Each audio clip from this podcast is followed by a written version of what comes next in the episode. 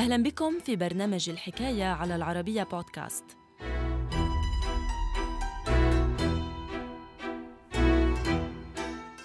خلال النصف الأول من القرن التاسع عشر تزايدت نسبة الوافدين إلى ولاية ألاباما الأمريكية بفضل ما عرف حينها بالذهب الأبيض أي القطن.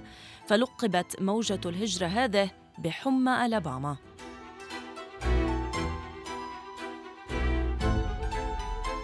تفاصيل الحكاية في مقال للكاتب طه عبد الناصر رمضان بعنوان بسبب الذهب الأبيض شهدت ولاية أمريكية نوعاً غريباً من الحمى.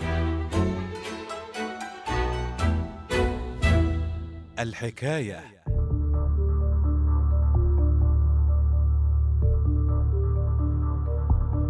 ولاية ألاباما الأمريكية تضاعف عدد سكانها عشرين مرة خلال سنوات قليلة خلال عام 1817 وافق الكونغرس الأمريكي على إنشاء إقليم جديد عرف بإقليم ألاباما عن طريق اقتطاع جانب من الأراضي من إقليم ميسيسيبي بالجنوب الشرقي للبلاد.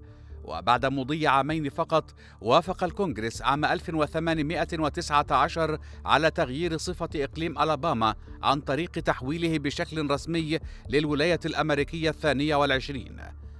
ويعود الفضل في هذا القرار لجانب من العوامل الهامة التي شهدتها المنطقة. فإضافة للازدهار الاقتصادي بفضل زراعة القطن شهدت ألاباما خلال بضع سنوات فقط تضاعف عدد سكانها أكثر من عشرين مرة تزامنا مع ارتفاع أعداد العبيد بها ضمن ما لقب حينها بحمى ألاباما. إلى ذلك تزايدت نسبة الوافدين على هذه المنطقة عقب توقيع معاهدة فورت جاكسون يوم التاسع من أغسطس عام 1814 على إثر النصر الذي حققه الجنرال والرئيس المستقبلي للولايات المتحدة الأمريكية أندرو جاكسون على شعب الكريك الذي مثل أحد الشعوب الأصلية للبلاد. وتزامنا مع ارتفاع نسبة بيع الأراضي بالمنطقة وافق الكونغرس الأمريكي رسميا يوم الثالث من مارس عام 1817 على إنشاء إقليم ألاباما. واتجه لتعيين النائب عن ولاية جورجيا ويليام وايت بيب حاكما على الإقليم. وبسبب حصول المستعمرين الأمريكيين القادمين من فيرجينيا وجورجيا على قطع اراض كبيرة بألاباما مقابل مبالغ مالية زهيدة شهدت ألاباما بداية مضاربة عقارية هائلة.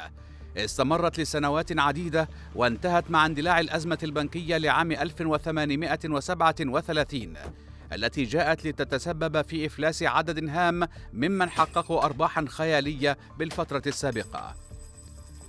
وخلال 15 عاما فقط تضاعف عدد سكان ألاباما التي تحولت لولاية عام 1819 عشرين مرة.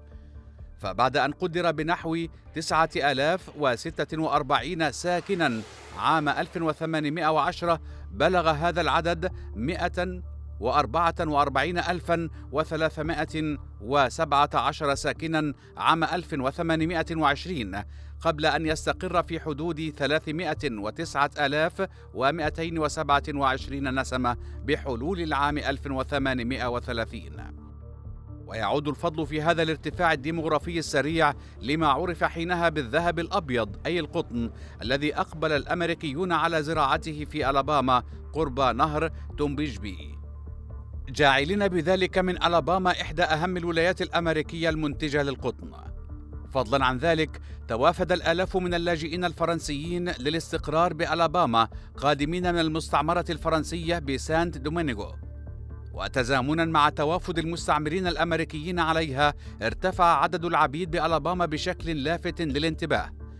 فعام 1820 قدر عدد العبيد بالمنطقة بأكثر من 41500 وبحلول عام 1860 استقر هذا العدد عند عتبة 435080 عبدا حسب إحصائيات تلك الفترة. لقبت موجة الهجرة نحو ألاباما بحمى ألاباما. وفي الأثناء عرفت هذه الموجة تراجعا طفيفا خلال العقود التالية تزامنا مع تراجع جودة الأراضي الزراعية التي افتقرت تدريجيا للأملاح الطبيعية بسبب زراعة القطن المكلفة التي تطلبت كميات هامة من المياه والمواد العضوية. واملا في مواصلة هذه التجارة المربحة اقترح البعض التنقل غربا أو نحو جزر الكاريبي لمواصلة زراعة القطن هناك.